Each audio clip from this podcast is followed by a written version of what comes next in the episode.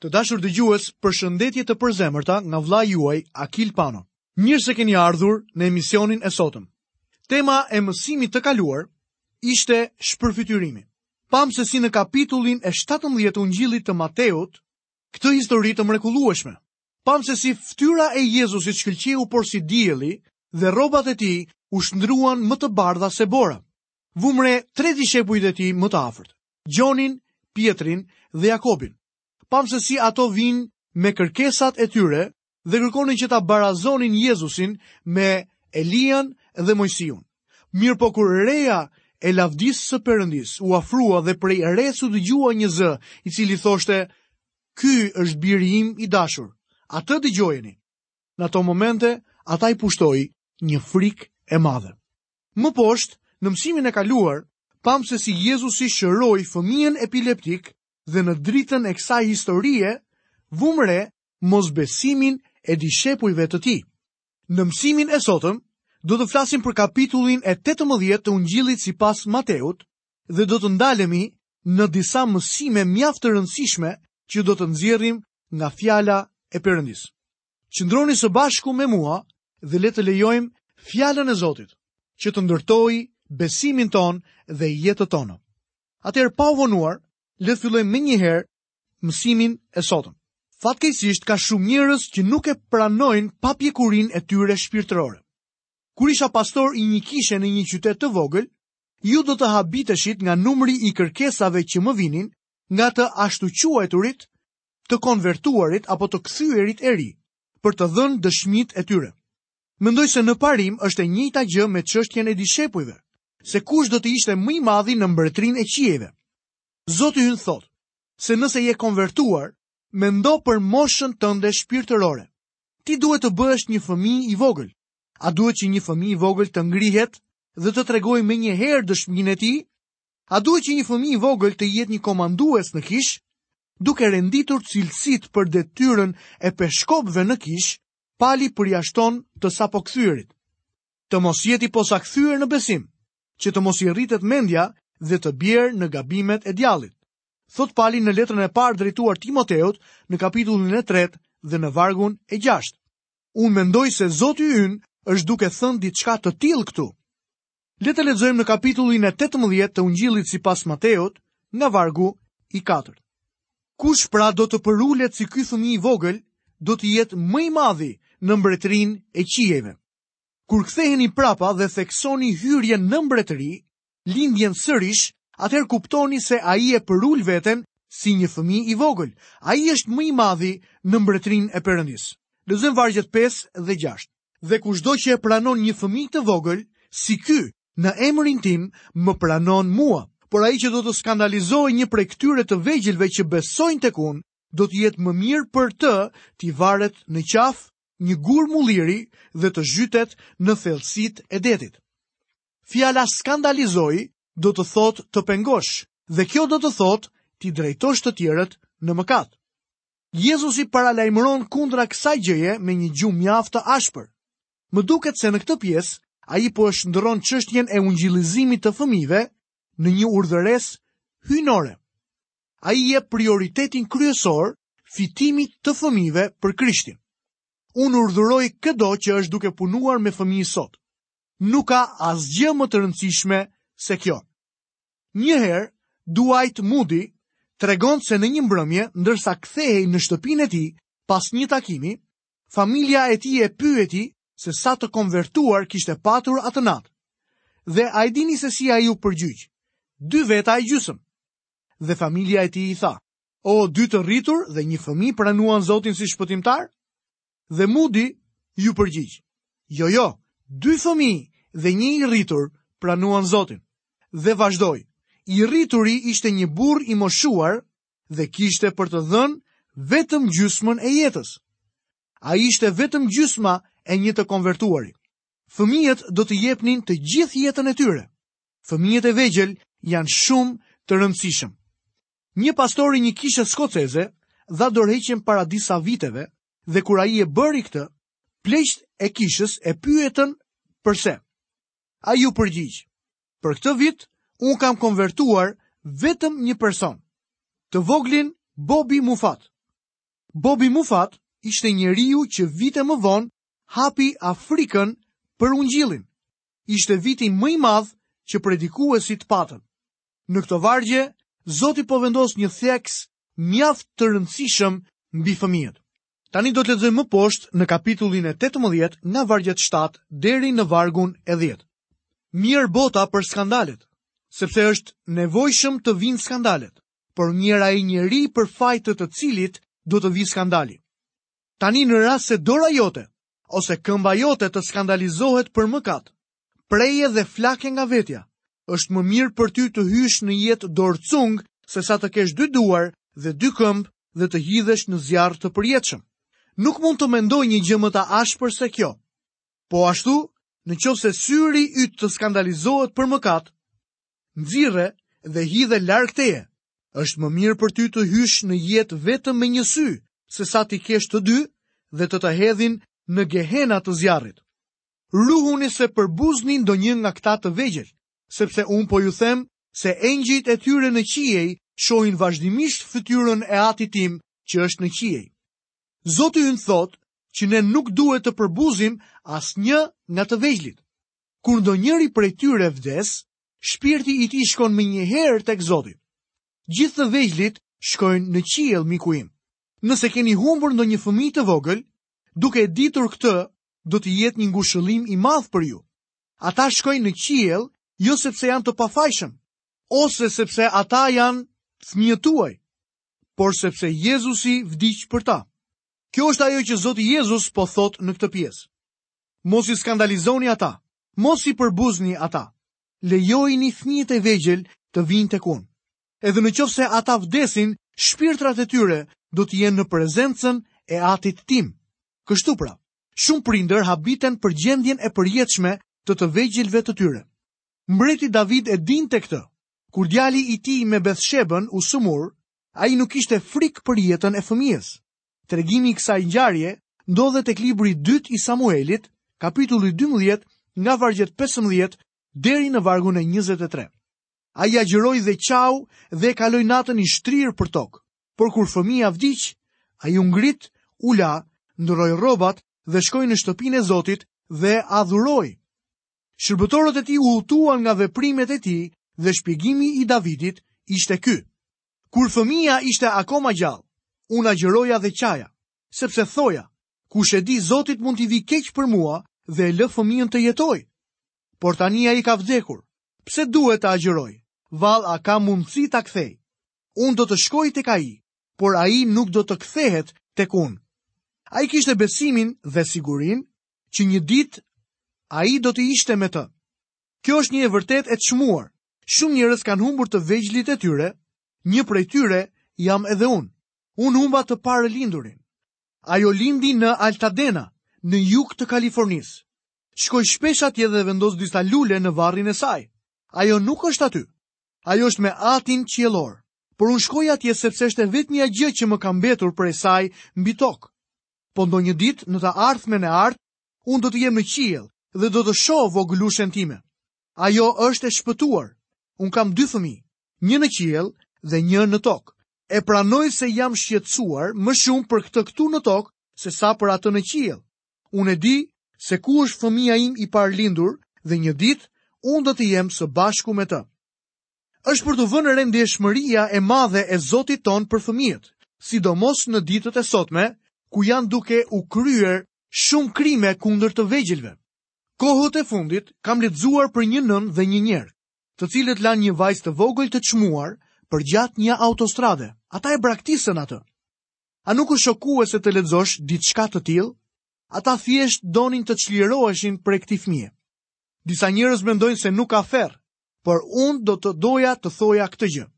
Nëse nuk do të kishte ferr, do të duhej një për njerëz të këtillë. Dhe në fakt ekziston një. Zoti ynë përdor një gjuhë me të vërtetë të rëndë për të na paralajmëruar për krimet ndaj fëmijëve. Le të shohim shëmbëlltyrën e deles së humbur. Tani Zoti ynë tregon shëmbëlltyrën e mrekullueshme të deles së humbur. Do të lexojmë në vargun e 11. Sepse biri i njeriut erdhi për të shpëtuar atë që kishte humbur. Kjo shëmbëlltyrë është ndryshe nga ajo që paraqitet tek ungjilli sipas Lukës në kapitullin 15. Çelësi është fjala shpëtoj. Tek Luka kapitulli 15, theksi bie mbi gjetjen e të humburit, ndërsa tek Mateu 18 mbi shpëtimin e të humburit. Do të lexojmë së bashku nga vargu 12 deri në vargun e 14. Si mendoni?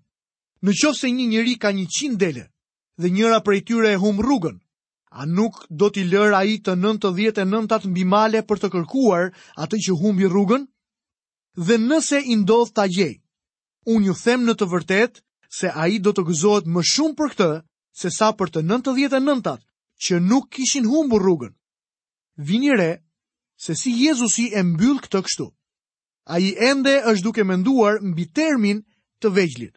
Kështu pra, është dëshira e atit tuaj që është në qiell që asnjë nga këta të vegjël të mos humbasë. Ai do të kujdeset për ta derisa të arrijnë moshën e përgjegjësisë. Por ju, prindër jeni përgjegjës për t'i drejtuar ata tek Jezu Krishti. Kam frikë se sistemi ynë shkollor po i përdor fëmijët tanë si kavje për filozofinë njerëzore. Të rinjtë janë duke paguar një çmim jashtëzakonisht të madh në klasat bashkëkohore. Miku im, Ne kemi një përgjegjësi të jashtëzakonshme përpara Zotit në këtë fushë. Le të shohim strukturën për drejtimin në kishë. Lexojmë vargun e 15. Por në qoftë se vëllai yt ka mëkatuar ndaj teje, shko dhe qortoje vetëm për vetëm. Në qoftë se të dëgjon, ti e fitove vëllanë tënd. Nëse ai mëkaton kundra teje, ti duhet të shkosh tek ai. Ky varg flet për një mëkat të kryer nga një besimtar. Detyrimi për të shkuar tek vëllai është mbi atë person që është ofenduar prej tij dhe jo anasjelltas. Lexojmë nga vargjet 16 dhe 17. Por në qoftë se nuk të dëgjon, merr me vete një ose dy vetë, që çdo fjalë të vërtetohet nga goja e dy ose tre dëshmitarëve. Nëse pastaj refuzon t'i dëgjojë, thuaja kishës, dhe në qoftë se refuzon edhe ta dëgjojë kishën, le të jetë për ty si pagan ose si tagrambledhës. Ka disa njerëz të cilëve u pëlqen t'i mbulojnë mirë shqetësimet e tyre. Kjo nuk është rruga se si na mëson Zoti Jezus të merremi me to. Nëse ekziston ndonjë problem midis dy besimtarëve, ai duhet të zgjidhet në mënyrë të përzemërt, të paqshme dhe të qetë. Nëse këta individë nuk mund t'i zgjidhin gjërat, çojini ata tek një grup njerëzish. Nëse as grupi nuk mund t'i zgjidhë gjërat, shpresa e fundit është ta çosh problemin në kishë. Si autoriteti përfundimtar. Në lidhje me këtë subjekt, Zoti ynë thotë si konkluzion. Lexojmë vargun e 18. Në të vërtetë ju them se të gjitha gjërat që do të keni lidhur mbi tokë, do të jenë lidhur edhe në qiell. dhe të gjitha gjërat që keni zgjidhur në tokë do të jenë zgjidhur edhe në qiell. Përmbajtjen e këtij vargu ne tashmë e kemi studiuar tek Ungjilli sipas Mateut, kapitulli 16 dhe vargu 19, ku mësuam se në qoftë se e mbajmë fjalën, ne lidhim në tokë. Dhe nëse ne ua japim fjalën e Zotit të tjerëve, ne zgjidhim atë në tokë. Lexojmë vargjet 19 dhe 20. Po ju them gjithashtu se në qoftë se dy prej jush bien në ujdi mbi tokë, të kërkojnë çfarëdo gjëje, kjo do t'ju jepet atyre nga Ati im që është në qiej, sepse kudo ku ka dy ose tre që janë bashkuar në emrin tim, unë jam në mesin e tyre. Nëse dy prej jush do të bien dakord mbi tokë, të kërkojnë çfarëdo gjëje. A do të thotë kjo që nëse ne biem dakord për çfarëdo lloj gjëje, atëherë ai do të na dëgjojë.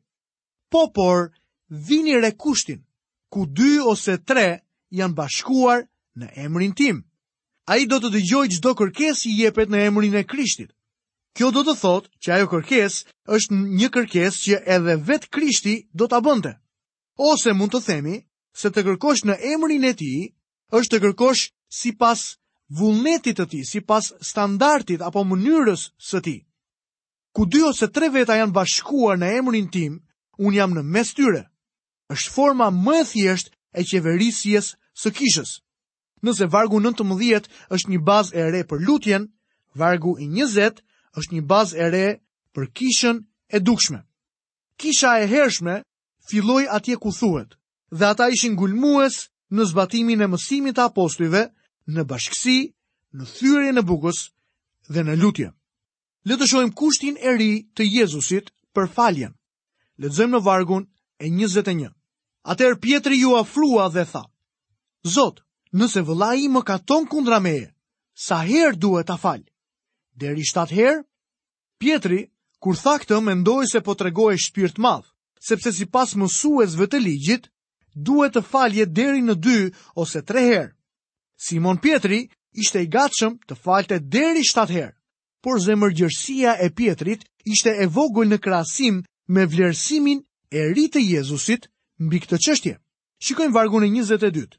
Jezusi i tha: Unë nuk të them deri shtatë herë, por deri në 70 herë 7. Pra 490 herë. Në atë kohë, gjërat mund të zgjidheshin fare mirë. Në qoftë se jo, të dy ata do të kishin arritur një moshë të vjetër dhe gjithsesi, kjo nuk do të përbënte ndonjë gjë të madhe.